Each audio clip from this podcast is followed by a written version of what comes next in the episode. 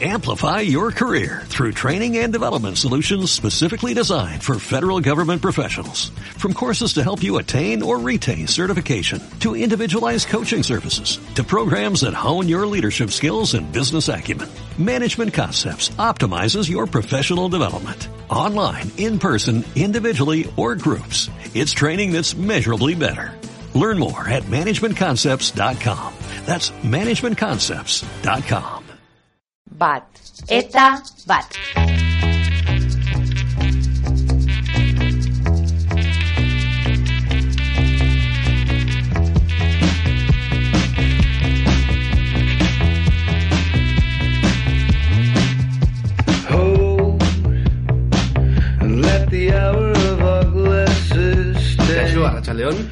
ongi etorri bat eta bat e, irratxeira. Ni, Ibai naiz, Eta ni egitz eta gaur, fagotik saio berezi bat egingo dugu.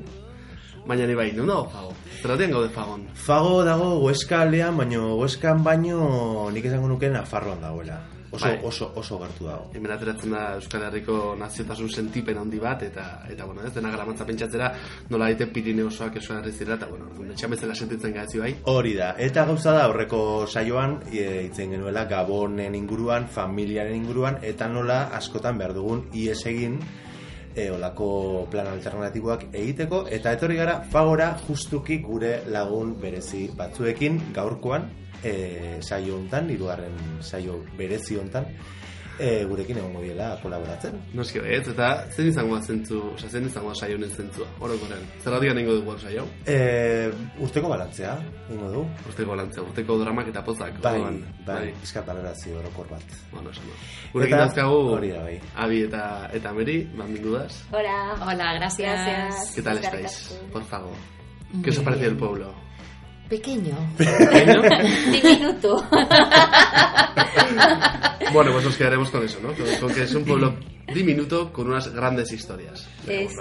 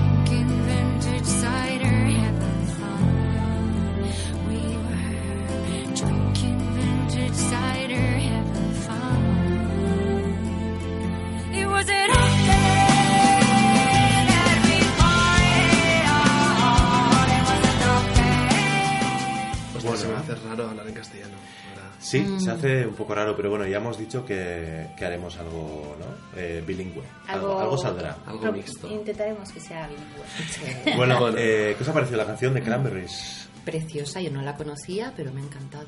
Egoitz. Eh, Bueno. Bueno, hay que decir que la dinámica de este de, de todo, de, todo el, de todo el programa ha sido que cada uno ha elegido una canción y tal. Y esta ha sido la que yo he elegido porque, porque bueno, creo que estamos hablando del cierre de año, pero sí que eh, está guay que, ¿no? Eh, que hablemos un poco ya ampliando la perspectiva sobre todo el decenio, ¿no? Y es un poco una canción que sí que para mí habla de, ¿no? De cómo pues bueno, de la energía de la juventud y tal, y cómo de repente después te, te vas dando cuenta, eh, vamos, de que la realidad eh, no es tan, tan, tan eh, cambiante o posible de cambiar como esperabas, y bueno, empiezan las frustraciones y demás. Igual es como, eh, ¿cómo resumiría yo este teniente? ¿no? Por eso, por eso he elegido esta canción. Madre mía, qué profundo. Qué profundo. ¿Has visto? Intensidad. Vaya. Bueno, Vaya. pues... ¿Y David, tú? ¿Qué, cómo- qué, qué dices? Eh, bueno, a mí, a mí es que el hecho de que escogieras de Cranberries, claro, me ha, llevado, me ha trasladado como, como mucho a mi adolescencia, ¿no? Y me ha vuelto a conectar con, con emociones que yo tenía entonces, eh, y esta canción es, es más nueva, ya no es tanto de, de- de esa época, pero refleja un poco eso, ¿no? El, el- el- ese sentimiento de la adolescencia como que todo es o todo o nada y tienes ahí toda esa energía y toda esa fuerza de, Mm. de- y la ilusión o la esperanza de cambiar el mundo y que te lo vas a comer y bueno, a veces es como, igual se me come un poquito más a mí el mundo que yo a él, ¿no? Pero, Pues que me cama el coño el mundo. algo así, algo así. Llega el momento que dices, pues sí, ¿por qué no? Y, y nada, y no sé, que, que me gusta que hayas escogido esa canción. Mira. Bueno, pues ya le hemos hecho referencia al mundo, eh, que puede ser el mundo entendido de una manera súper global o nuestro propio mundo. Entonces, ¿qué os parece que hagamos un repasito del año, Mary? Perfecto. A ver que... A ver, Em, empecemos por ti. Empiezo ¿Cómo te ha ido el año? Pues soy ¿Cómo lo valoras? Mm, ya lanzo un titular que es que soy autónoma. ¡Oh! Empezando por aquí, la cosa ya se complica. Sí. He abierto un local en Barcelona, que la verdad es que estoy muy ilusionada porque... Espera, es- espera. Sí. Cu- cuña publicitaria. La Lola Coworking. ¿Eres artesana? Vente a trabajar con nosotros. En la calle, en la calle. San Salvador 109, Barcelona. En el, en el bonito barrio de Gracia. Ahí estamos. Ah. Pues con eso estoy este año, empezando el proyecto, muy ilusionada realmente porque la gente que ha entrado es preciosa y estoy muy contenta. Intentando también lidiar un poco con el tema de arrancar un proyecto, mm, ser autónoma, la parte financiera la llevo fatal, se me da fatal y no me interesa, aunque es la más importante realmente. Y gestionar un poco el espacio y las personas. Y en eso estoy este año, inmersa. Y qué buenas condiciones tienes las personas autónomas, ¿verdad? Buenísimas, buenísimas. Y eso que yo estoy todavía eh, dentro del plazo en el que tengo descuento. A la que se me acabe el descuento la hemos liado, pero parda. Espérate, que, espérate que ya. espérate. Cogeremos la katana. Totalmente.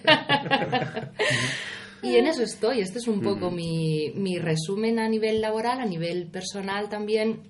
Pues un familiar cercano ha tenido una enfermedad grave y la verdad es que tengo que decir que se ha recuperado muy rápido. En ese sentido estoy muy contenta con este final de año. Qué. Y sí, realmente, ¿eh? a nivel de, de la sanidad pública, eh, la gente que nos ha atendido, estoy muy, muy agradecida, estoy muy sorprendida con el Hospital Clínic de Barcelona. Eh, todo el personal ha sido increíble y realmente solo puedo dar las gracias y estar impresionada de la calidad humana con la que me he encontrado y esto me da bastantes esperanzas de cara a un futuro. Qué guay. Pues nada, dicho queda. Bueno, pues Mary ha tenido un muy buen año, que luego seguirá contándonos más profundamente. y tú, Egoitz, ¿cómo valoras el año? ¿Qué tal? Pues yo lo valoro positivamente. Yo creo que el año sí que sí que lo empecé con sensaciones un poco de estos agridulces, de no hallarse, de no, de no aterrizar del todo, del todo todavía. Y, y creo que acabo el año, así en resumen, cortito y sintético, eh, genial, con muy buenas sensaciones.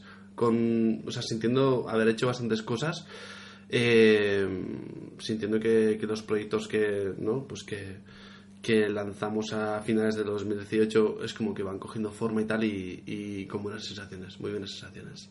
Así que feliz, feliz como una perdida.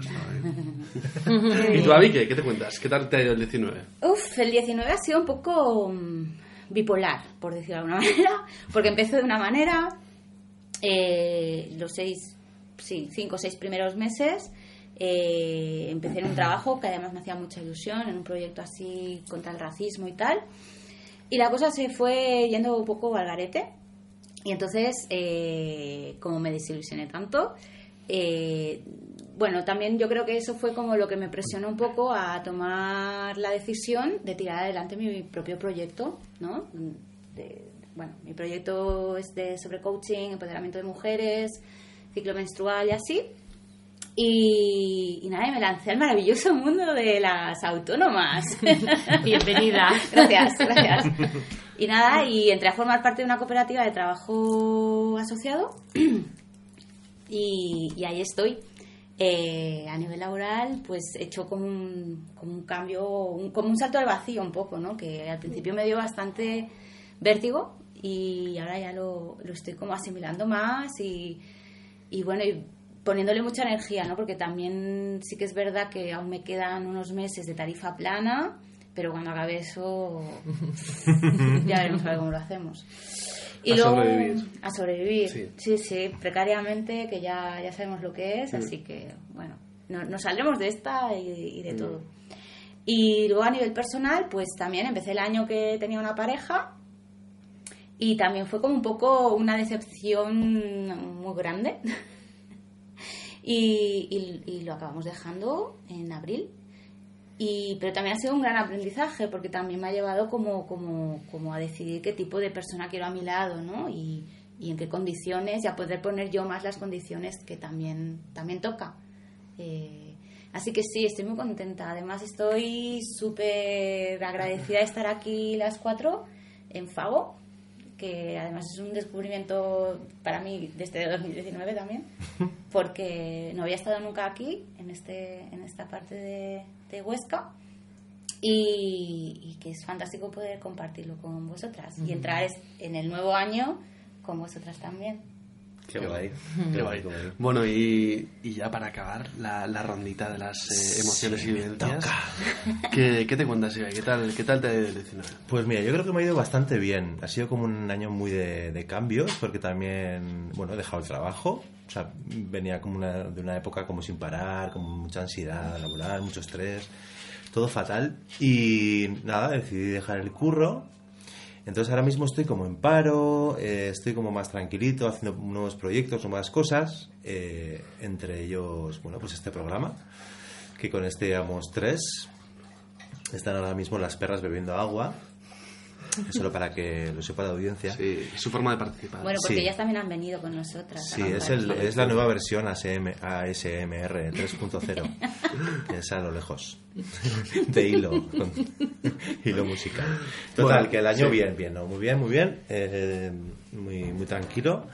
Y yo creo que estoy ahora como en un momento... eh, o sea, he descubierto, mi, des- mi des- descubrimiento de este año ha sido eh, un poco eh, aprender a estar dentro de la crisálida. No sé, hasta ahora estaba como, ¿no? Súper mariposa todo el rato y, y y sigo en ello. O sea, es como necesito, me encanta y estoy muy tranquilo. Y es raro porque antes he pensado en el 2019 cómo lo valoraría, pero siempre me pasa lo mismo. Y no sé si os pasa lo mismo, ya os he trasladado la pregunta, que es un poco, eh, ¿no? El, el organizar las etapas vitales por años naturales, que es como un poco raro, ¿no? Porque, claro, yo pensaba ya en la crisálida, pero es que voy a seguir en la crisálida, no es que el 2019 acabe mi fase crisálida y de repente vaya a emerger una super mariposa. O sea, el día 1 de enero no vas a emerger como una No, mariposa. no, ni tampoco voy al gimnasio, No. no, ni voy a hacer dieta, ni No nos cosas. engañemos, por favor. No. nos Ni, engañemos. ni tampoco van a mejorar las condiciones de autónomos. No, No tiene pinta, ¿no? no, no. De tarifa plana a cartera plana. A cartera Y plana. que hay. Pero bueno, en general y terminando, eh, una valoración bastante buena del año. Bien. Está bien, está bien. Bueno, pues nada, ahora os dejamos con, con la siguiente canción, que viene a ser... Es eh, In Your Dreams de Dark, Dark, Dark. Y, y bueno, ahora sí. We all have dreams we forget. We all have dreams we forget.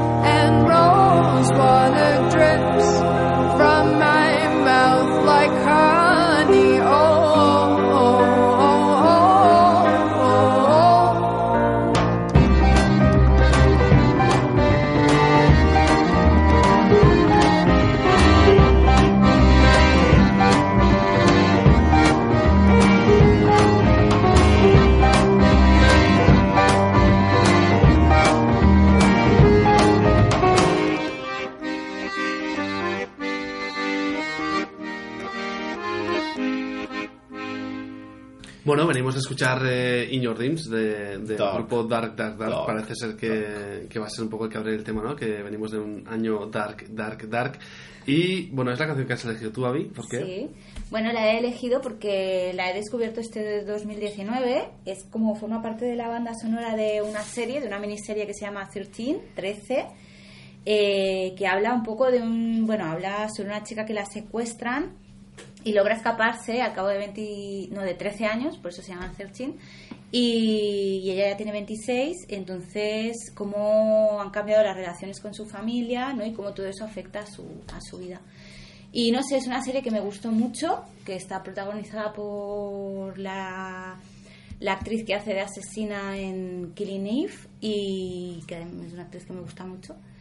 Y bueno, no sé, me, escuché la canción y, y como que, que me ha llegado al corazón. o algo así. Qué bien, qué bien. Está bien. Oye, eso nos pasa con las canciones a veces. ¿eh? Es muy bonito. Sí, además que quedan ahí grabadas.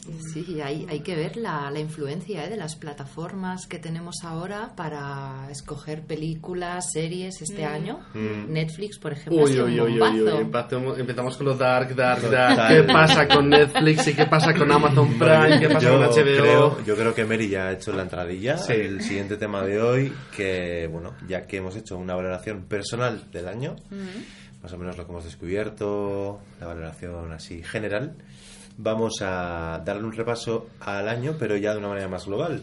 ¿Qué ha pasado en el mundo? ¿Qué opinamos? ¿Qué, no sé, cómo arde, ¿no? Cómo Este, arde, cómo arde está el ¿Cómo Roma. arde el mundo? ¿Cómo arde Pero arde, arde, arde el mundo. ¿Y cómo arde España? España. Con, con Franco. Oye, que lo han sacado, que lo han sacado de, han de, su querido territorio magnífico y maravilloso, allá La- por el Valle de los Caídos. Mm. Que parece ser que se cayeron 30.000 por ahí, se cayeron dentro. Anda, Y hoy, y ¿Qué hoy por, sacar a uno, chica, pues la Ya gente se ha vuelto un poco loca, ¿no? ¿Qué ha pasado?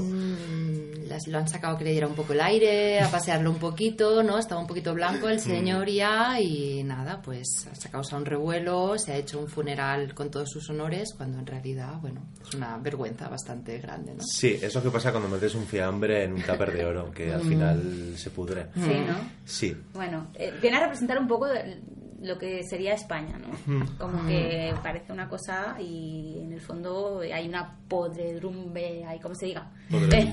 Eso, sí. ¿no? Y Bueno, yo creo que ha sido un hito eh, que ha marcado este año eh, a nivel ¿no? eh, estatal, de alguna manera. Y bueno, pues viendo un poco, mm, bueno, por ese ultranacional catolicismo español que tanto ha caracterizado a Franco y sus seguidores, con, bueno, pues la, la aparición de Vox, como no, tenía que aparecer, pero es otro tema, gran tema del año. Es un gran tema. Es un gran tema. Dark, dark, dark. Sí. es un gran susto. Abascal y su caballo. Empezó, Vaya, empezó vaya. Abascal subido al caballo Sí, y ha acabado que Abascal se ha subido a, a un puesto de diputado. Un puesto de nenas. diputado. Bueno, De caballo A a Congreso. bueno para seguir puerta, de Congreso, nada cobrando... menos. Mm. Para seguir cobrando de las arcas públicas y Mm. estas cosas, porque este señor no ha tenido en su vida un, un trabajo, no ha sido nunca autónoma. ¿Sabes? ¿Qué te quiero decir? Ay, esa sabe lo que es vida. Ay, esa es lista, es lista. Es lista. La vascala, La la Oh, Vascala. sí es lista. Sí. Bueno, yo creo que, yo creo que igual, eh, ¿no? Con, o sea, el tema de Franco, ¿no? El sacarlo, como que movió mucha, ¿no? Mucha podredumbre, como decías, eh, a nivel estatal y tal. Y, y sí que ha sacado todos estos movimientos como ultrarreaccionarios, ultrafachas, que antes estaban dentro del PP, que los tenían un poco callandito, les daban un poquito de, no, pues venga, pues ahora montamos una manifestación para el aborto, tal, y, y van todos ahí en, en tropel y tal, y ahí estaba como la ultraderecha, estaba como un poco, pues bueno, aquí estamos, ¿no? Tenemos nuestro sitio. Ahora, ¿qué pasa? Que Vox se quitó la careta y de repente dice, no, no, Peña, que, que nosotros somos la, la real derecha, ¿no?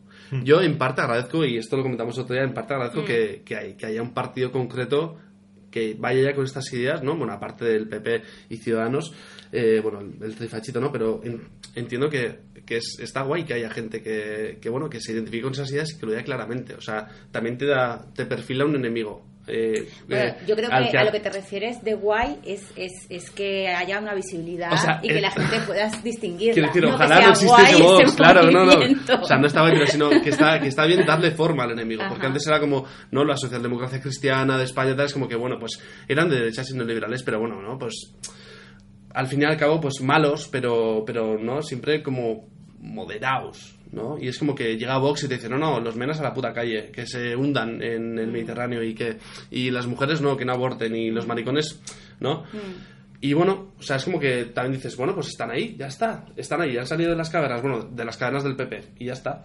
Y- Sí, pero lo, más, lo que a mí me da cosa es como, ¿de verdad esta gente tendría que ocupar un puesto en el Congreso? ¿En serio? ¿De verdad? Mm, Mm, vamos a seguir, claro, vamos a seguir con el discurso, ¿no? Como hablábamos el otro día de la tolerancia y tolerar lo que no tolera, no sé. Hmm. Es como no sé, me, pa- me parece como, como un poco... Además no somos tampoco una ultrademocracia, ¿sabes qué te quiero decir? Sí, bueno, está claro que el Estado Entonces- tiene un doble rasero. Eh, Mm. Hace poco leía yo que, mm, que bueno, lo, lo- digamos, lo aceptable sería ilegalizar un partido, ¿no? Pues, o sea, esta, existe la ley de partidos y la ley de partidos pues se activa y se, se pone en la maquinaria, se acciona cuando, cuando se quiere de alguna manera, ¿no? O sea, es que es como...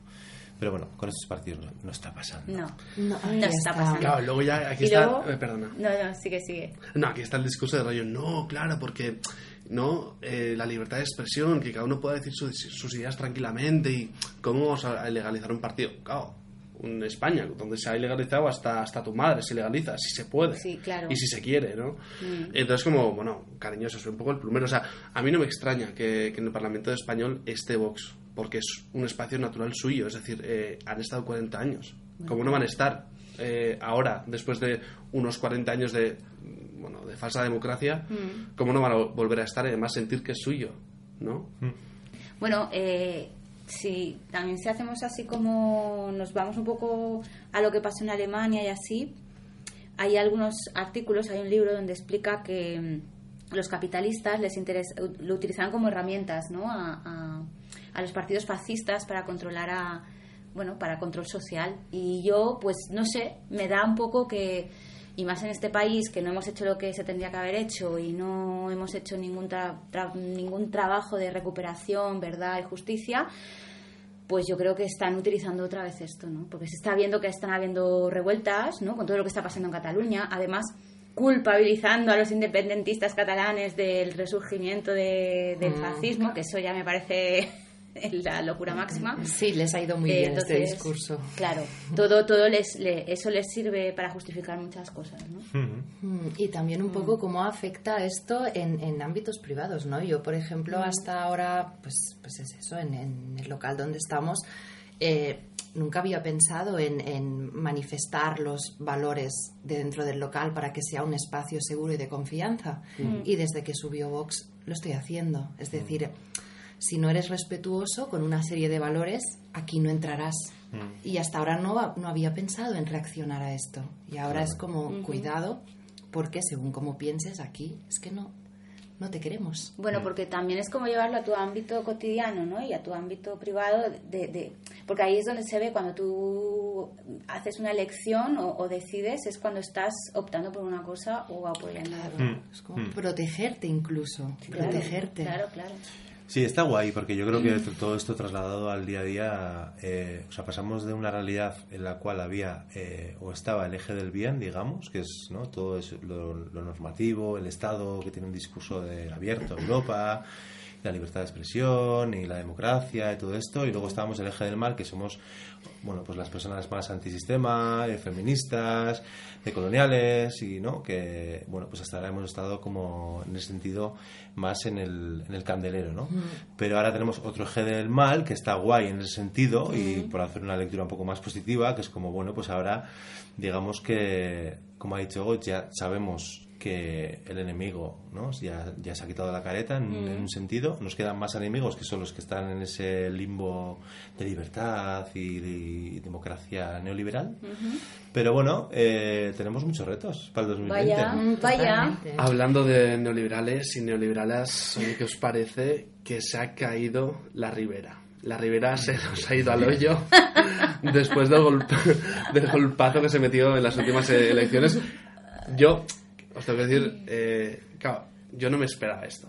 Yo ha, sido una cosa como de, yo, o sea, yo el día de las elecciones decía, estaba como flipando con el tema de Vox, rollo 50 no puede ser, y con Ciudadanos estaba como, a ver, cariño, no puede ser.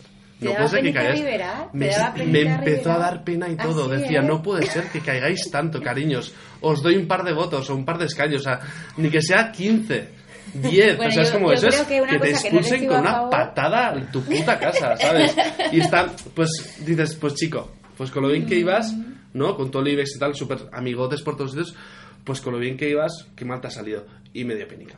A mí me dio penica. Bueno, es que penica. dejaron de ser tan demasiado tan radicales como necesitaban ser igual, ¿no? Tendrían que haber sido como más radicales y no lo fueron. Igual, y además, igual es eso lo ¿sabes que les he hecho, ¿eh? Y tal- ¿sabes también lo que creo que les fue en contra? Que a nivel España, que son catalanes. Eso no hay que olvidarlo nunca, Sí, amiga. Ese es otro factor Sí. interseccional. Si huele a butifarra, sí. malo, malo, malo. Butifarra munchetas, no. Pero, pero bueno, yo, yo en realidad, yo creo que Mary está de acuerdo conmigo. Estamos muy contentas de que Rivera se ha ido, se ha ido con su Evidentemente. con su primo, mira, con el primo de Rivera. Ah, ¿ves? Sí, ¿Ves? Todo cuadra su al primo, final. todo cuadra, todo cuadra. Totalmente. Ha tenido una crisis de personalidad múltiple, ya no sabía ya para qué lado Sí. tirar y ya Yo está. creo que ahí la coca, la coca es mala. Yo creo que la coca es mala. La de San Juan, la coca de San Juan La lleva mucha fruta, mucho Sí, azúcar. sí. Y ha, colapsado. Ay, ay. Y, y dijo, hasta aquí hemos llegado. Hasta aquí hemos llegado. Bueno, y de Rivera me gustaría pasar al fenómeno del 2019 musical, cultural o incluso Cataluña. apropiación cultural ¿Es llamada o no es? Rosalía. Rosaría. ¡Tra, tra! Eh, Con sus maravillosas uñas. Sí. Bueno, por favor, pongamos una cancioncita o Por algo, ¿no? De ella o no. O No, la dejamos en no, nada. Vamos a dejarla. Está muy escuchada en la radio Fórmula aquí. ¿no? No, somos alternativas. Fucking money, man. Eso quiere decir que no Sinvergüenza. a Rosalía, pero no la vamos a poner. Pero bueno, ¿qué os parece? ¿Cómo, cómo, cómo veis a Rosalía? ¿Qué propone? Rosalía ¿Qué- como persona, canta, como concepto, baila? como música, como qué. Como catalana, yo qué sé. Como catalán. Como catalana. ¿Qué wow. contáis? Bueno, que representa una parte de una generación catalana, sí, Mm. claro, claro que sí. Luego yo creo que tendría que ser la comunidad gitana la que va- entrara a valorar lo de la apropiación cultural, porque han habido ahí artículos, tweets y tal que... Mm, Somos muy leídas, aquí leemos artículos día a día. Todo el rato estamos leyendo cada artículos. Todo el rato. Venga, venga. También, sí. Si no quedan tres al día, no me siento Vaya, es que no voy a llegar al móvil, yo qué quieres que te diga. Bueno, eso, Rosalía. eh, yo creo que en el anterior disco eh, fue como wow, qué guay. Además, eh, pues estaba más un poco en la escena un poco más, pues menos conocida, en unos circuitos más eh, pequeños y demás, más underground incluso. Y de repente pegó el bombazo con, con el mal querer. Que tengo que decir que yo, respecto a Rosalía, en- tengo un amodio, que es amor-odio constante. Eh, cuando salió, flipé, dije, hostia, qué guay la propuesta de, ¿no? de, de- de imágenes y demás que hacían los videoclips y las canciones y demás. Después, claro, con todo el tema de la, de la apropiación cultural, dije, hostia, es verdad, esta, esta chavala que, que viene de, ¿no? de, de la- de la- de los márgenes de Barcelona, de repente haciendo, haciendo gitanadas y tal, y además sin hacer ninguna referencia al tema gitano. Y, y es que después, viendo en YouTube, de, o sea, en YouTube, un vídeo en YouTube de, de Altozano, sí que vimos que detrás del disco había como un montón de curro y tal, y era como, jo, pues la tía se la ha currado, ¿no? Tal, ¿Qué pasa en este mundo global? ¿De quiénes son las ideas? ¿De quién es la cultura? Si aparece Madonna con, eh, tomando la chalaparta con, con dos chavales de, de Euskal Herria, está apropiándose de la, de la chalaparta, si no, eh, no podemos tocar eh, una flauta travesera. Claro, de, de hecho, ahora que mencionas Madonna, Madonna con Vogue también podría considerarse una apropiación cultural. Sí. ¿no? En realidad es... Sí, de la cultura Sí. pop y- Es verdad, es así. Y bueno, em, en general, ¿cuántos artistas ¿no? estatales Sí, sí. siempre han... No sé, eh, es que yo también... Es que es, es que es una mujer, ¿sabes? Es que, que esto yo durante el año lo, he- lo he hablado un montón de veces. Es como... no podíamos cambiar el foco un poco. No, no porque sea mujer tiene que ser caballito blanco, pero sí es verdad que como que se magnifica ya. Cuando, no sé, pues eh, Alejandro Sanz, que siendo madrileño, no sé, siempre ha ido como de andaluz, chico, pues, pues eres madrileño y ya está. Vergüenza. Punto. O sea, no, tiene, no hay ningún problema. Y canta flamenquito y no sé qué, no sé, no sé. O sea, que no, no digo que la crítica no esté bien hecha porque la entiendo y, y de hecho mi lectura eh, es la misma, ¿no? Pero mira, otra valoración que haría del 2019 es eh, qué tendencia tenemos todo el rato de sacar punta a todo desde el discurso de los privilegios que, que es, es, no sé, esencial de alguna manera para leer nuestras vidas, nuestras luchas, nuestras vivencias y todo esto, pero ya cuando entramos en, en la dinámica Twitter y la dinámica de despellejar, despellejar por despellejar, criticar por criticar, ir de académicas por ir de académicas, pues al final a mí ya pues como que me cansa y, y- y no sé, no es tan, no me atrae tanto como una canción de Rosalía, porque por lo menos la, la canción de, de Rosalía la siento, ¿no? Y hay discursos o, o cosas estas que se dicen que al final pues detrás hay otros sentimientos que igual no me llaman tanto.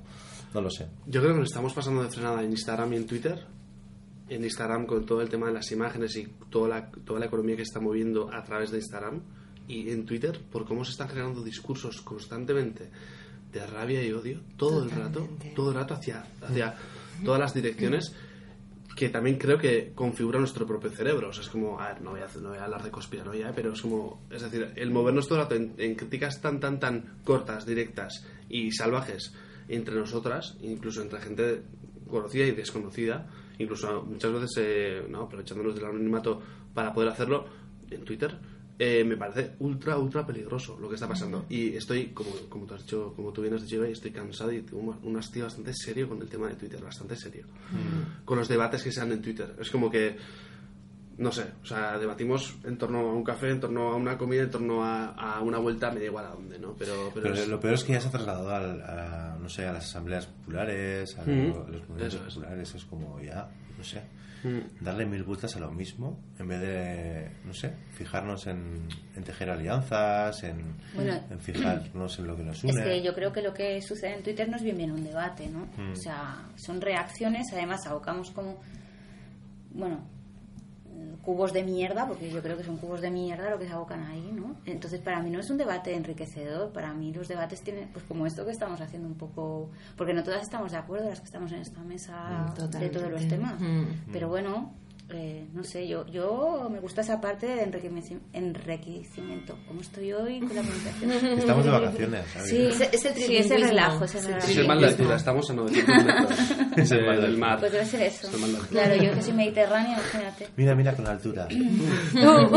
Y bueno, diciendo, o sea, comentando esto que comentabais de Twitter, a su vez eh, es interesante por todo el tema de, ¿no? de cómo nos podemos enterar de lo que está pasando en, ¿no? alrededor del mundo, en Chile, en Ecuador, en Bolivia, a un solo clic. ¿no? Entrando en una aplicación, de repente pum, puedes ver vídeos, puedes escuchar audios, puedes ver fotos de lo que está pasando en otros sitios y que, y que también, hostia, o sea, siendo muy críticos, tampoco se le puede negar la potencialidad que tienen las redes sociales. Lo que pasa a es que- nos volvemos como muy locas, eh, Mm. venga, no, esto es una mierda, eh, nos relacionamos como... No, No, no, no. Me refería más a la parte de debates, pero sí que es verdad que, que está bien a nivel de poder estar informadas. Lo que pasa es que también eh, está llegando un momento de una sobresaturación de información y además una información que, que, que según lo que sigas, ¿no? Te llega como muy sesgada. eh, no sé, a comentar que también haría falta como como aprender cómo a filtrar esa información que nos llega porque a veces es Totalmente, como sí. guau, ¿no? Sí, yo me he sentido a veces como desbordada Mm, Pero poder eh, seleccionar eh, de dónde quieres que te llegue la información es una gran ventaja. Claro, imaginaros que nosotras que venimos de mm, pon la televisión, empezamos con dos canales, yo por lo menos empecé con dos canales, luego vino TV3 y empezaron cuatro o cinco más, pero esta era toda nuestra información y de repente ahora, por ejemplo en Facebook, elijo qué canales de noticias quiero que me dé la información canales que por otros medios no podría no podría llegar y no estaría tan informada. Sí. Entonces, claro, mm, sí que es como doble rasante, Claro. ¿no? Por un lado, es una información que igual es más afín a tus valores, a tus creencias, y por otro, no deja de ser una parte solo de la información, no te está llegando el Claro. conjunto. Por eso creo que es importante el, el pensamiento crítico. Fomentar el pensamiento crítico ¿no? y poder poder cuestionar todo aquello que te llegue y no tragárnoslo como si fuera pues, pues ver- ver- verdad o, o- o cierto, ¿no? Mm. no sé, poner siempre el punto de, eh, todo es o sea, en un entorno endogámico, seguramente, ¿no? Todo lo que me llega, pues, pues va en la misma línea y hay cosas que a lo mejor se me pierden por el camino. Mm. Bueno, pues eh, eh, andamos a este nivel, no sé, de De intensidad. intensidad. Y bueno, bajamos un poco la intensidad con una cancioncita. Sí, que ahora lo ha elegido Mary. Igual. ¿Por qué la has elegido? Antes de ponerla. Yo la he elegido porque es una canción que empieza muy tranquila, pero de repente da un subidón que te da un chute de energía, que es el chute de energía para empezar el año. Mm. Ahí vamos. Pues Bueno. con eso nos quedamos. Sí, se llama Youth y es del grupo Daughter.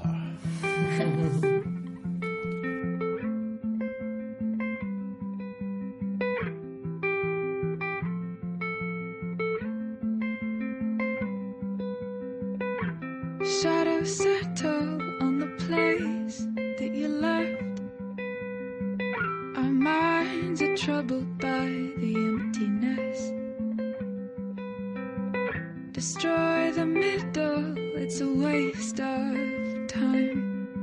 From the perfect start to the finish line.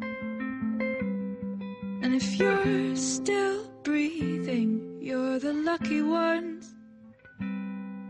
Cause most of us are heaving through corrupted lungs. Setting fire to our insides for fun.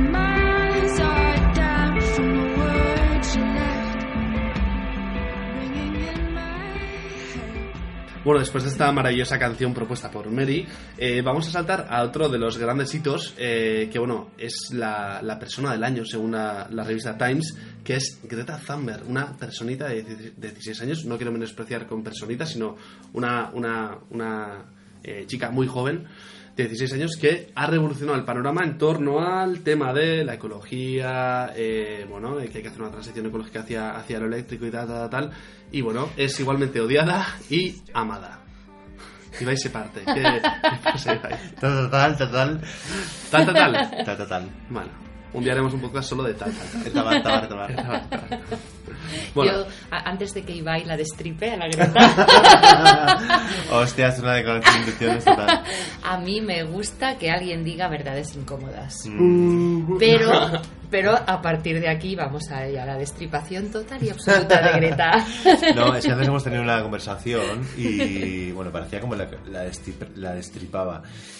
No la voy a destripar porque me parece, que es lo que he dicho antes, yo creo que está guay porque ha conseguido, sobre todo, que las nuevas generaciones de alguna manera se activen con el tema y den desde ahí ese modelo a las viejas generaciones que de alguna manera somos las que hemos eh, creado todo este desastre, que está guay, ¿no? Que es como un toque de atención o algo de justicia poética incluso, ¿no? Que es como ese, esa frase que siempre se dice y cómo le vamos a dejar el mundo a los que vendrán, pues bueno, los que los que ya han venido ya nos han llamado la atención y me gusta eh, en ese sentido, o sea, todo lo que representa y tal. Y lo que no me gusta, que es lo que os he comentado antes, es sobre todo eh, la iconización de una persona tan joven que por una parte eh, considero que, bueno, no sé si le afectará psicológicamente, pero siendo tan joven y moviendo tantas masas y bueno, pero como a cualquier persona que, ¿no? que es muy famosa y tiene mucha, eh, bueno, mucha representatividad social, pues supongo que la pasará.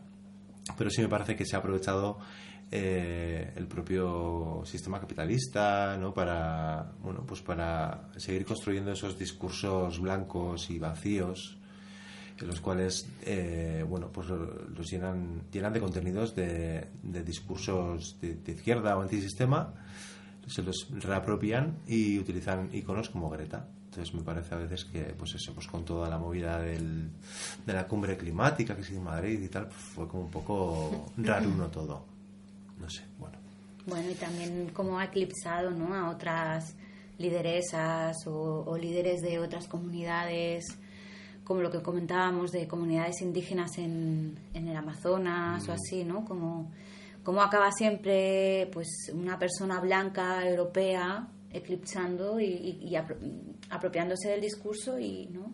No sé, bueno, a mí eso me crea... ma- No, no me crea comodidad. Luego- Yo creo, que- creo que hay que diferenciar un poco el, el Greta con el fenómeno Greta. O sea, eh, una chavala que con 14 años se pone a hacer huelga ella sola con su autismo eh, todos los viernes eh, no va al colegio y se pone delante del Parlamento con un cartel.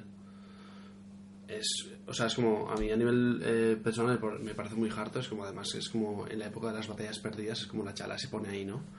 Eh, después yo sí que estoy de acuerdo con que se, se la está utilizando como, como icono de, de un movimiento y tal, y probablemente se la está, se la está utilizando para poder eh, manejarlo eh, al, antolo- al antojo de, pues eso, ¿no? De, de al final de, de los poderes fácticos y demás.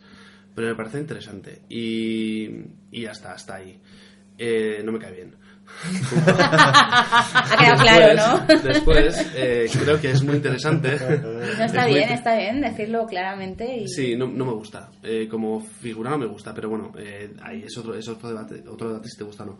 Eh, lo que sí me parece interesante es que eh, la peña muy muy joven que se ha empezado a mover en torno al, al movimiento que empezó, ¿no? Este movimiento que empezó en principio Greta, sí que eh, lleva carteles, eh, pues como poniendo en el foco el capitalismo como, como generador eh, del cambio climático. Y eso está muy guay. O sea, es como, aunque Greta no diga nada, ¿no? Cuando va a las cumbres y demás sobre el capitalismo, porque casi siempre habla sobre que tienen que parar eh, pues estas prácticas, que tienen que haber políticas eh, ¿no? que desarrollen eh, pues eso, eh, prácticas ecológicas y más a y tal y tal y tal.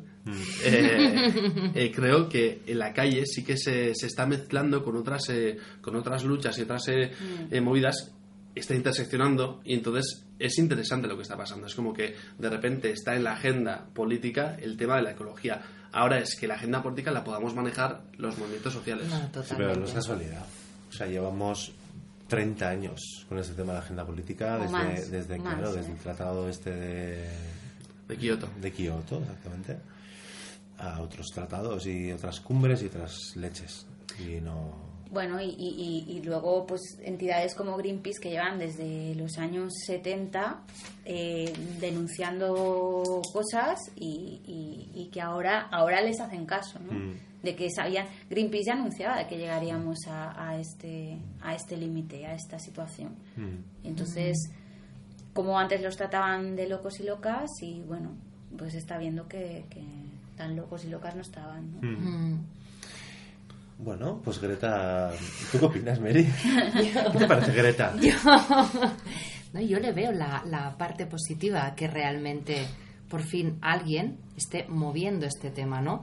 Y creo que eh, lo que estáis comentando, por ejemplo, de que sí que es verdad que hay otros colectivos que han, han sido invisibilizados, creo que pueden sumar a Greta, que Mm. una cosa no excluye a la otra, Mm. sino que es decir, ella ha empezado a mover esto, ¿no? Entonces, mm, que se le sume otra gente, que aprovechen y se le sumen otros colectivos, me parece bien eh, lo que ha generado y que se esté creando debate y que por fin se ponga sobre la mesa y a partir de aquí que se pueda reaccionar también desde otros entornos, que no se enfoque solamente en ella, ¿no? Pero que haya como abierto esa puerta, me parece muy positivo. Bueno, es lo que has dicho tú antes. Al final genera incomodidades y un poco trayéndolo a terreno, a lo terrenal, a lo diario. Yo cuando fui a Barcelona estas navidades fui en avión y me sentí mal por ella. Gracias a ella, no por ella. y fue como, mm, vaya. Bueno, con Llevo hecho de tomar 15 conciencia, ¿no? Llevo años sin coger el avión, no sé la última vez que lo cogimos y no, Sí. no sé.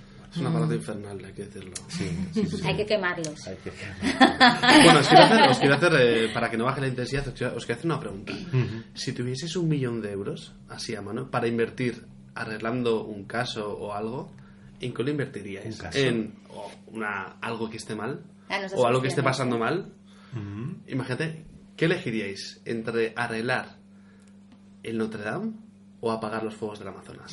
Esta es la pregunta que le hicieron unos niños al alcalde de Madrid, Almeida, y Almeida, eh, también llamado Tonto el Nabo, como eh, Maroto, eh, dijo que obviamente, eh, pues eso, eh, salvar eh, pues una iglesia judeocristiana como, como es eh, la iglesia de Notre Dame, que nos unía como europeos. Tengo, tengo una pregunta. ¿Hay que hablar de este tipo? No, de- no, quiero, quiero que hablemos de los siguientes dos temas. Que del Amazonas, de lo que pasa en el Amazonas y de lo que pasó en Notre Dame y qué es lo que toca eh, el tema de Notre Dame, ¿no? ¿Por qué? Porque fue un símbolo el verlo arder, ¿no? Bueno, Estamos otra vez, para mí, en lo mismo, que es como la como lo europeo occidental blanco, es siempre, ¿no? Como lo, lo- el drama y el y no nos damos cuenta que es más drama que se queme el Amazonas y Australia que no que no un Exacto. edificio. Exacto. Para O sea, mí, es ¿eh? mucho- O sea, o quiero decir, para mí, eh, priorizar un patrimonio cultural, material, eh, adscrito a una, un sentimiento de nación y además eh, que tiene un simbolismo religioso súper potente Mm. y tal.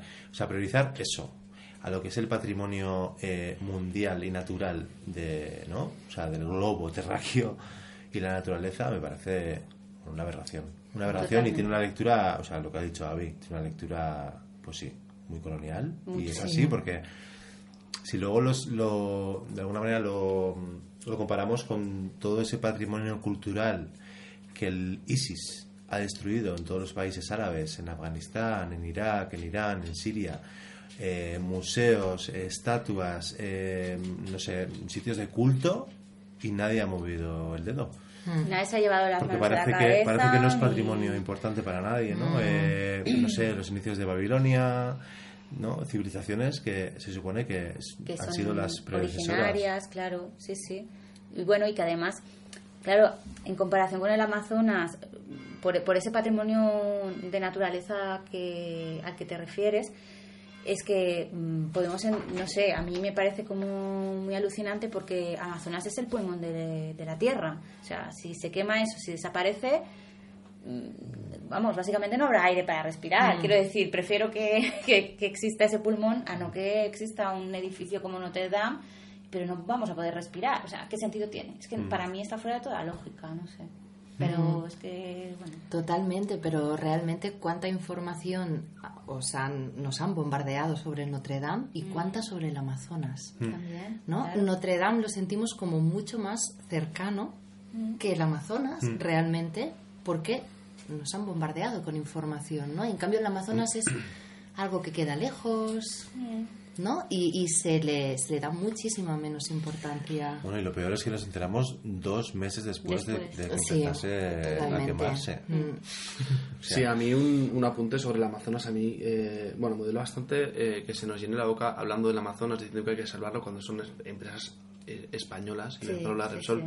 Las que están explotando el Amazonas. Sí, o sea, sí. y de repente nos llevamos las manos en la cabeza, ¿no? Es como, hostia, de acuerdo, y que no se queme, pero detrás de todas esas prácticas de tala de árboles hay empresas, entre ellas muchas empresas multinacionales que son españolas. Sí. ¿no? Y de repente cuando, cuando arden nos damos cuenta que es como, hostia, no, ¿qué, qué está pasando? ¿Por qué arde? Es como, Bueno, grande por tus, por tus prácticas eh, neoliberales, cariño. Para que tú puedas vivir bien, ¿no?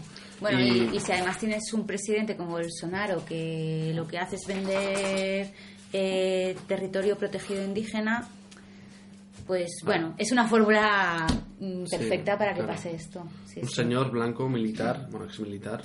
Totalmente. Homófobo, evangelista. Homófobo, mm, machista, evangelista. Lo tiene todo. ¡Vergüenza! vale. Eh, bueno, ¿Qué, qué repaso estamos haciendo, ¿Verdad? ¿eh? Bueno, estamos aquí. Venga, Volamos. despellejando Sí, el nos va a dar 2019. diciembre de 2020. no estará, no estará. No estará. Bueno, eh, siguiendo con temas candentes y demás, eh, bueno, eh, en Europa parece que, que se encienden, eh, no voy a decir llamas de revolución, pero, pero sí que algunas llamas interesantes, como los de como los bueno, como los conten- contenedores de Cataluña Cataluña. o los chalecos amarillos en Francia, entre otros. ¿Qué, qué, qué opináis sobre esto? A ver, Los contenedores en Cataluña se veía venir, ¿eh? ¿Se veía venir? Se veía venir y lo catalogan como violencia cuando, bueno, en realidad la, la violencia es un poco la, la represión que se está ejerciendo para mí, ¿eh? desde mi punto de vista. Claro, realmente estamos hablando de nuevas generaciones que siempre han vivido el eh, tema de la, nuestra revolución pacífica con respuestas de represión. Entonces ha habido un momento en el que han dicho, basta ya, esto no funciona, así que vamos a reaccionar. Entonces reaccionan pues quemando contenedores, etcétera, pero es como respuesta a una represión. Yo la violencia la considero la represión, no la quema de contenedores. La quema de contenedores es una consecuencia de que hayamos intentado hacer las cosas de una forma pacífica y se nos haya respuesto a palos y encima justificado. Con lo cual, para mí es súper lógico lo que está pasando.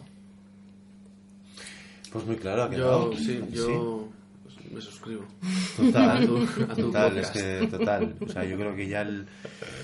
Es que lo estamos viviendo incluso con la censura, ¿no? O sea, esto de... Y antes hemos hablado de tolerancia y... O sea, al final cuando, cuando existe la censura, eh, los valores que están detrás y el por qué se censura e incluso por qué se, o sea, cómo se justifica todo eso, se justifica desde ahí.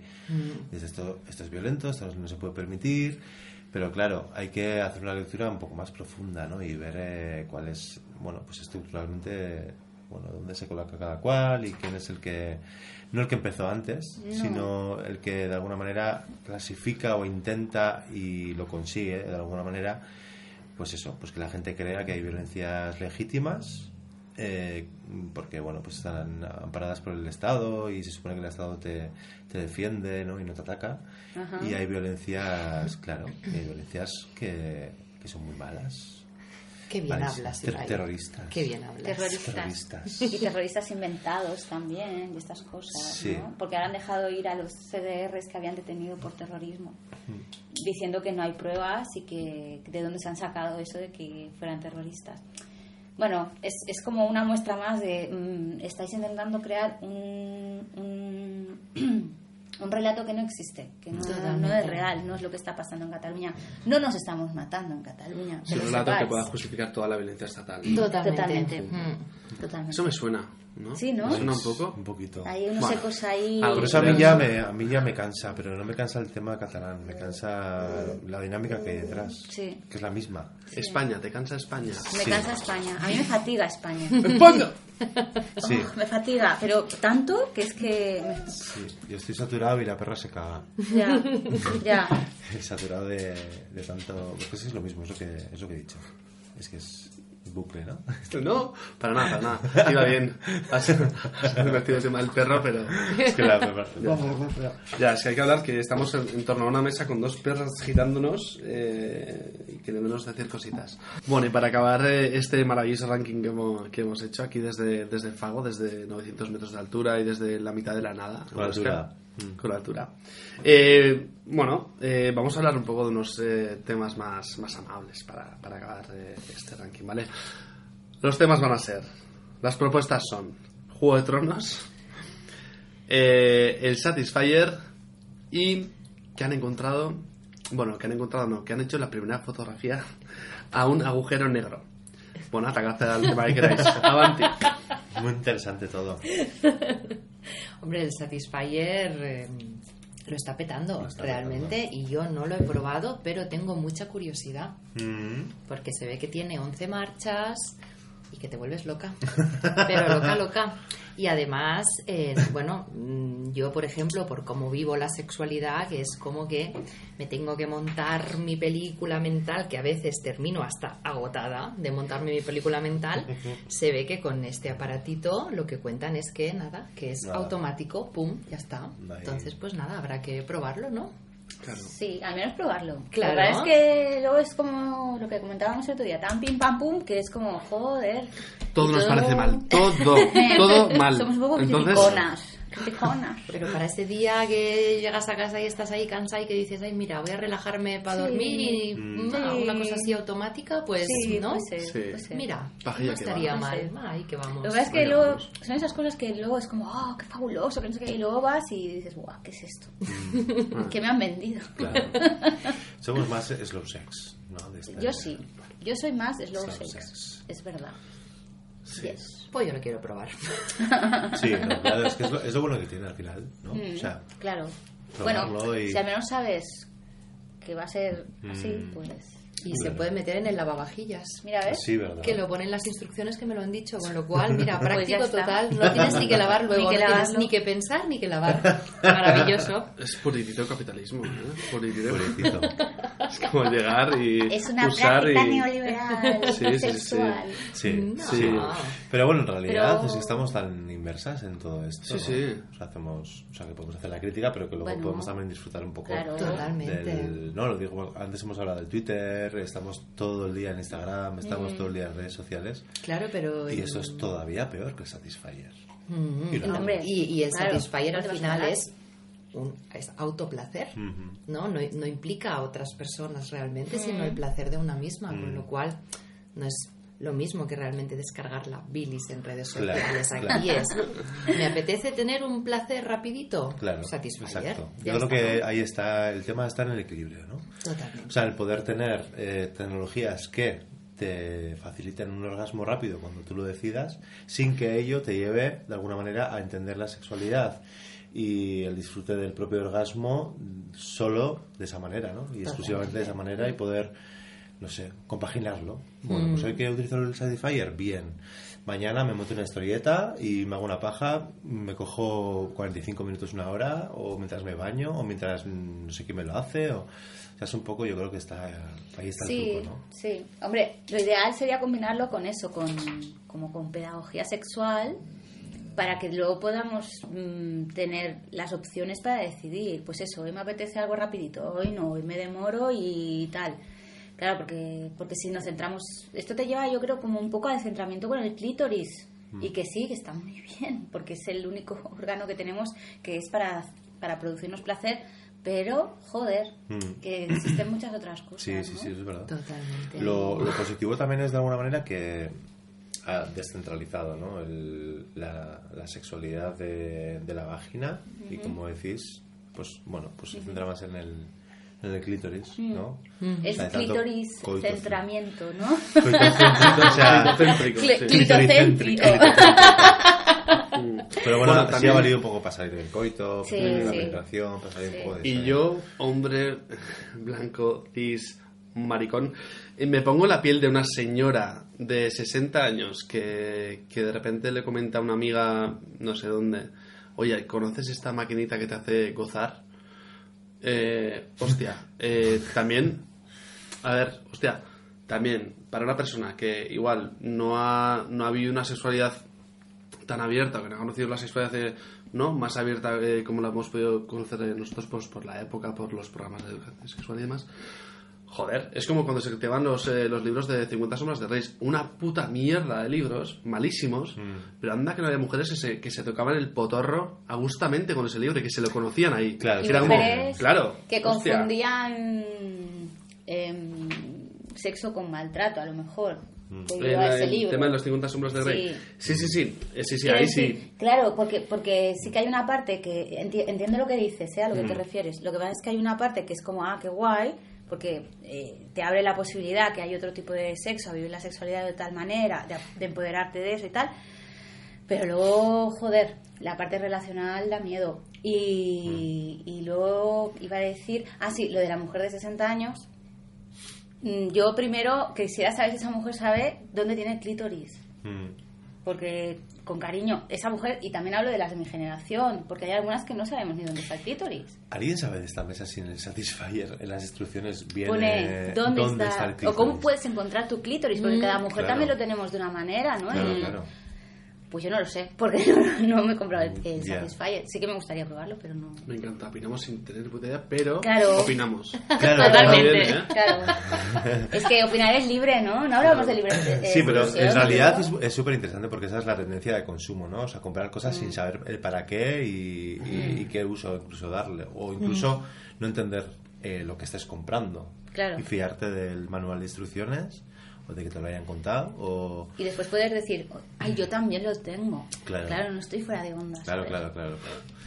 No Bueno, ser bueno, que- hablando de fueras de onda, en esta mesa sé que hay una persona que solo ha visto eh, Juego de Tronos hasta la cuarta temporada. Sí, haciendo un giro argumental extraño, cerraremos con este tema. A ver, ¿qué ha pasado? te Este año ha cerrado. te sientes Eh, discriminada, La serie. Me siento bastante discriminada. Sí. Somos yo y tres personas más en el Sí. planeta. Vamos a meter el eje, este eje de, de discriminación en, en el, en el de la Interseccionalidad. interseccionalidad de Patricia Gilcolis. Es, ¿No has visto Juego de Tronos? ¿No sabes cómo se acaba? No Te lo voy a decir yo en un momentito. Pero no tiene interés, creo que yo. tampoco tiene interés. No, sí, bueno, yo ahora hablaré del final. Es que, qui- es que quiero verla. Quiero verla. Ah, sí, entonces no lo puedo decir. Te No, taparé no, las no, orejas no, porque no, quiero que spoiler. quede grabado. Cuando lo digas, me avisas y yo me tapo las orejas. No, no, yo empecé a verla, pero era tan densa y me hacía tan lío con los personajes Mm. que un día me agobié y dije, ya está, hasta aquí. Y la dejé y dije, eso que vas diciendo de, no, más adelante. Y sigo en eso del más adelante. Así que, bueno, pues eh, en cuanto digáis el final, me avisáis un minuto antes y me salgo a fumar un cigarro. Bueno, No, porque además eh, creo que hay finales alternativos y todo. sí, pero hay un final que debe ser eh, grabado por los actores, pero en plan de coña. Mm, Ah, Sí, que no es el rollo, un final alternativo para Juego de Tronos, que es como que un día dentro de 20 años lo sacarán, no va a ser así. ah. Pero hay final alternativo. Os diré que... No, no, no voy a decir cómo se acaba, obviamente no, no lo voy a decir, porque todos nuestros oyentes al final pues igual alguien no lo ha visto, ¿no? Claro. Tenemos miles de oyentes, pero igual alguien no lo ha Es de visto. esas tres personas la que dice, que dice Pero eh, os voy a decir que me pareció eh, totalmente patriarcal como acababa. Totalmente patriarcal. Claro. O sea, vamos, o sea, poder- No podía podría acabar... No podía ser. Claro, pero hablamos de Estoy de mujeres, o sea, la serie iba sobre un montón de mujeres poderosas. humo. ¿Eh? Cuidadín. Todo humo. Cuidadín, ¿eh? Estamos entrando en un terreno No, no, me, no, me no. tapo, me spoiliano. tapo las orejas, ya está. No, no, no, no, digo que después de todo el protagonismo que tienen las mujeres, y dices, y, joder, pues dices, joder, qué bien tal. A mí al final me dejó muy, muy frío y muy enfadado. Bueno, yo creo que... de- Sentí que había el- perdido tiempo de mi vida viendo la serie. el- no, sé, no me acuerdo, lo siento, no sé cómo se llama la persona que escribió los libros, que aún estaba también George R. R. Martin, creo. Pues este señor creo que tampoco estaba muy satisfecho, ¿eh? Como acababa la Bueno, serie. si no se, la, no se las acaba de escribir, según No, tengo no, claro. Es que no... Yo solo tengo que decir que, aunque, eh, aunque me gustó mucho la serie y el final, bueno, me dejó un poco también frío. Frío, te deja frío. Me gustaría hablar de toda la turistificación que ha creado Mm. Juego de Tronos en Euskal Oh, Herria. vaya, Que vaya. Es un tema extenso, pero bueno, yo lo quería sacar porque me parece que eh, la lía parda esta gente. Un poco. Bueno, Un poco. la leo parda esta gente, pero la leo parda también del PNV. Que es como que donde hay dinerito, allá que voy. Mm. Y entonces como que lo sustato no da. Lo Impulsar. incentiva o lo impulsa, ¿no? Mm. Pero sí, soy muy loco. El tema del Azteluache, eh, los flises de, de Zumaya. Zumaya, que dices que es un cacho súper pequeño del pueblo. Mm. ¿O qué más sitios ha habido? Las Barcenas no, no tanto, no se han Las turistificado no tanto, por si acaso. Pero en Girona también grabaron. En. Girona también, ¿no? En Girona también, también ha pasado lo mismo. Es como, Además, hostia, también ha creado una ruta y no sé qué. Claro, bueno, claro. horrible. En Pues y- en Gasteluache deben de querer eh, hacer, o sea, ampliar el parking, pero como los mía. coches, Es un sitio súper pequeñito, o sea, no, y la gente se, lleva, se debe empezar a, a empezar a llevarse las piedras y tal. ¿Qué O sea, dices? sí, sí. sí, sí. Es que el mundo ya... Las piedras bueno, de ya. Rocadragón para mi casa, es como... Lo voy a poner en una que es una vitrina, puta ermita, Y ¿sabes? entonces Que es cada vez que venga joder. alguien a hacer la Claro. visita, le diré, mira, esta Claro. es la piedra de roca. Rocadragón en mi casa y dices, bueno, la gente... Bueno, estamos en un mundo muy loco, Muy loco, muy, muy loco. violento y bueno, Mucho pues... también. eh, yo Hay cosas muy quería, ¿no? bonitas también, ¿eh? Pero sí. Yo, a, a los, a los que piensan estos de diseño de exteriores, estas cosas, yo les mandaba un agujero negro. Tal cual. Y así, un agujero negro ¿para qué? Para que se los tragase. Sí, ¿sí? A todos ellos. Ese puede ser uno de los propósitos del 2020, Ah, ¿no? sí, puede ser. Vale. Puede ser. Mm, Pero ha pasado algo, ¿no? De un agujero negro. Este, ay, este sí, año este también. año. Sí, sí, que ha sacado una foto. Saca una fotito. ¿De un agujero negro? Sí, la primera foto. de un ¿Y de, y de quién era el agujero negro? De cualquier señor. Mío no era. Un Mío señor. tampoco. A mí no me pidieron nada. A mí tampoco. Igual daban una fotito ahí por internet. No, igual no- ¿Me la no, hicieron no. durmiendo o no? No, no, no. No, no. Además, Pues sí. tú, tú ves la foto y no reconoces el tuyo. No. ¿eh? Ay. No, no. Pues nada, Son más tú. nítidos los nuestros. A ver, estamos haciendo el chorreo y la coña con la puta foto, pero a mí me hizo un montón de ilusión. O sea, me flipó ese día. Dije, madre mía, Sí, ¿eh? Yo, yo me he enterado qué hoy. loco. Yo me he enterado hoy. Sí, la foto, Yo la también. foto guay. Luego voy a entender lo que es un agujero negro es otra cosa. Bueno, claro, es que... Claro, pero ¿habéis visto Interestelar? La película. Sí, Sí. Yo no. sí, sí. Pues igual, igual es una película para ver. No, Igual yo la la he visto con vosotras dos. Me encanta. Ah, es verdad. es verdad. Pues aparece un agujero negro que además la peli le hicieron con un montón de peña como científica y demás boom, para saber bien cómo- qué imagen tendría. Y debe ser verdad. Y se parece, a- se parece. Hay que imaginarse bien el agujero negro. Es como a ti te dicen, mira, esta es un- una mancha de café traslúcido y tal. Y dices, ah, bueno, también. Pero bueno, o sea, dices, ¿Pero para qué la sirve? primera- ¿Para qué el, sirve? el poder tener una imagen de esto. Venga, sí. Para empezar, para, para poder eh, Evitarlo. probarlo. No, joder. Para poder probar que existen. Porque Que hasta ahora eran teóricos, ¿no? Vale. O sea, a nivel científico, o Pero es ¿y, una y- para qué, ¿y para qué nos sirve saber que existen? Entien- pregunto, ¿eh? Pues porque, porque eh, como que prueba que los modelos matemáticos son reales. Es como que tú cómo sabes que el Sol eh, está en el centro de... ¿no? Que estamos Mm, en el sistema solar, pues porque hay pruebas que lo dicen así. Hasta ahora los agujeros negros existían a nivel matemático. Y ahora se ha conseguido ver, sin más. Bueno, o sea, ¿a, a ti te cambia la vida? A mí no. No a mí mucho, no. A eso. bueno. A mí no, que a mí por, nada. por ahí va, había un bueno. poco, ¿no? Nada. Sí, No sé, Claro, no ya, sé. ya. Todo esto en qué se Está bien, está Ah, bien, ya. pero estaría guay saber para qué. ¿Para qué? ¿Para qué? Mira, Esa yo... es mi gran pregunta siempre, ¿no? ¿Para Sí. qué sirve esto? Para algo seguro. Sí. segurísimo. Bueno, por eso yo creo, pues cuando me digan para qué, Sí, pero, que, entonces pero que te haga sentido ese le, algo, pues- le- le pondré atención, que seguramente es importante, De ¿eh? verdad, tiquismiquis hasta el 31 de diciembre. Qué ahí, pesadilla de Es que no es, un gente. pro- no es un propósito que yo me haya hecho, ¿eh? Dejar de ser tiquismiquis. Bueno, propósitos, propósitos. A ver, propósitos para el 20. Algo así. Una palabra que queréis para el 20. ¿Qué queréis? Sobrevivir. ¿Sobrevivir? Es buena palabra. Uh. Muy buena palabra. ¿Ibai? Pues seguir tocando los huevos. Ahí estamos. alguien. Que tenga o no, no lo sé, pero alguien.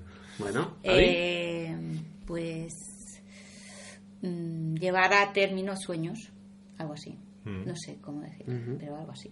Ya me entendéis, ¿no? Sí, sí, sí, sí. perfectamente. Pues eso.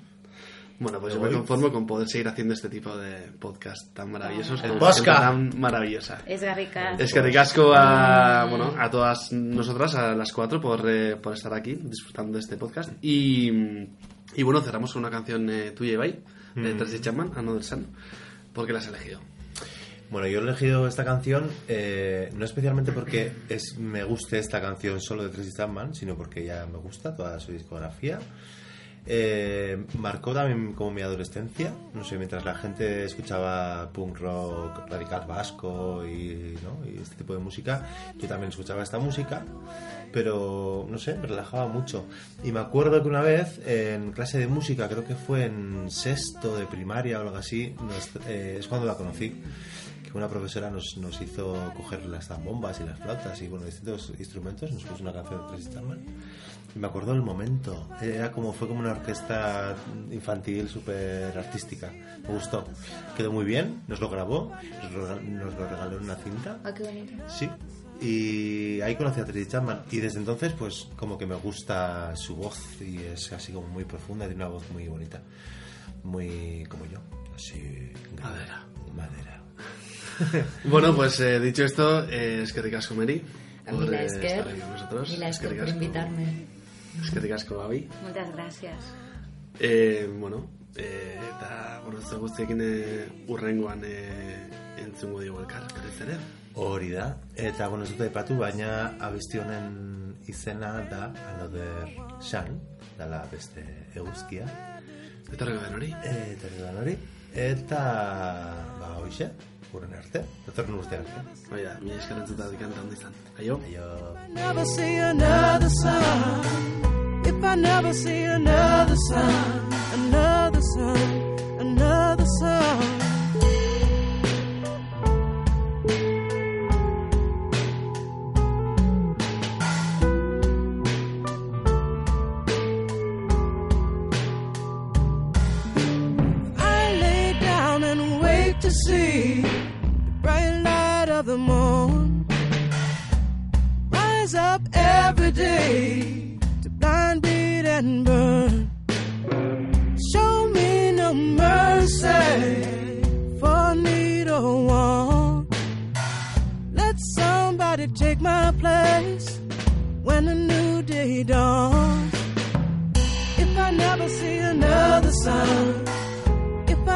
see another sun.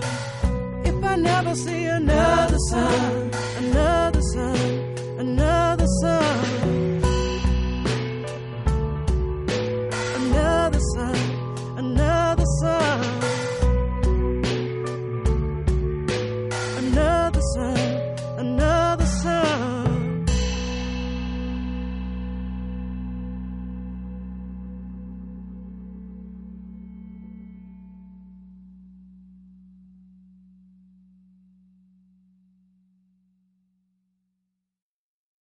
Amplify your career through training and development solutions specifically designed for federal government professionals. From courses to help you attain or retain certification, to individualized coaching services, to programs that hone your leadership skills and business acumen, Management Concepts optimizes your professional development. Online, in person, individually, or groups, it's training that's measurably better. Learn more at managementconcepts.com. That's managementconcepts.com.